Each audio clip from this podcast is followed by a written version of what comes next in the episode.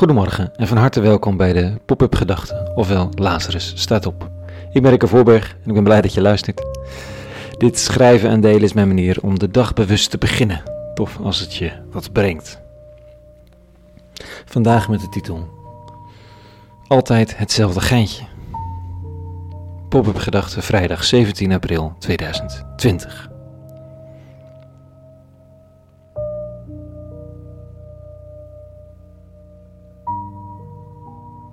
Steeds hetzelfde geintje in die christelijke spiritualiteit. Het is bijna voorspelbaar, maar wordt het toch nooit helemaal. Het is elke keer weer opnieuw, uit de meest onverwachte hoek, het meest ondergewaardeerde onderdeel, het minst geziene verhaal. Dat is waar de kracht vandaan komt. De kinderen van Abraham die impact zouden hebben op de wereld, dat kleine volkje aan de Middellandse Zee, nog steeds is het een problematische staat midden in een haard van conflicten. Absoluut waar. Maar kijk eens welke grootse verhalen er voortgekomen zijn uit Abraham. De drie grote monotheïstische religies, elk onooglijk begonnen. De een met een zwervende Arameer zonder gezag, macht en familie, Abraham zelf. De ander met een vernederd, vernederend gekruisigde leider, waarvan men weliswaar zei dat hij was opgestaan, maar je kon het afdoen als geruchten. Een derde met een spirituele jonge man, ongeletterd en een vreemde eend in zijn familie. Jodendom, christendom, islam. Onooglijk begin, intense impact. Niet alleen qua aantallen, maar ook qua wetenschap, poëzie, geletterdheid, kunst, politiek. Het is altijd hetzelfde geintje. Dat wat wordt weggeworpen groeit in de aanwezigheid van de eeuwige uit tot de hoeksteen om een nieuw huis te bouwen. Dat is wat vandaag Petrus zegt tegen de religieuze leiders van zijn volk. En dat bedenkt hij niet zelf, dat is een verwijzing naar wat, de Joodse, wat het Joodse volk ook altijd over zichzelf heeft geloofd. Een verwijzing naar een oude psalm. Petrus zegt hier niet dat opeens de eeuwige begonnen is om iets te bouwen op datgene, Jezus, wat door de machthebbers is weggekieperd.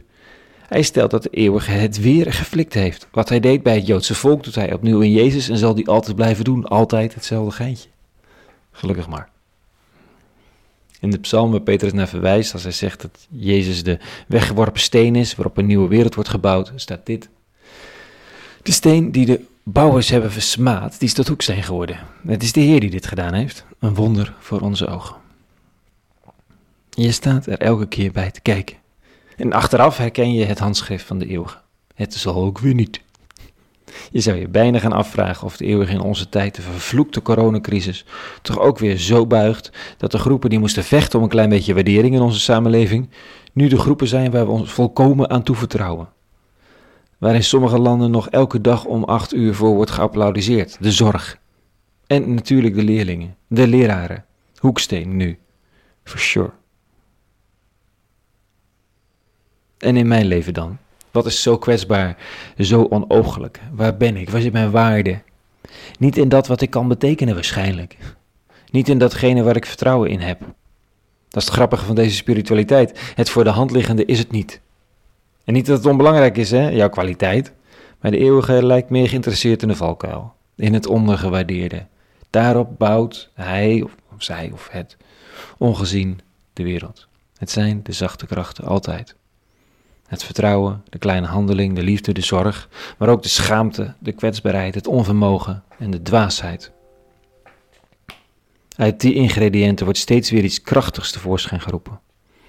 Dat is een leuke focus voor het weekend dan maar, toch? Mijn eigen weggeworpen, ondergewaardeerde, valkuil gerelateerde zelf als bron van potentie. Of de weggeworpen, ondergewaardeerde, valkuilachtige ander. Kan zo. Het zit in het DNA van de eeuwige, zo lijkt het. Tot zover de pop-up gedachten van vanochtend. Een heel goed weekend gewenst alvast. En voor nu, vrede. En alle goeds.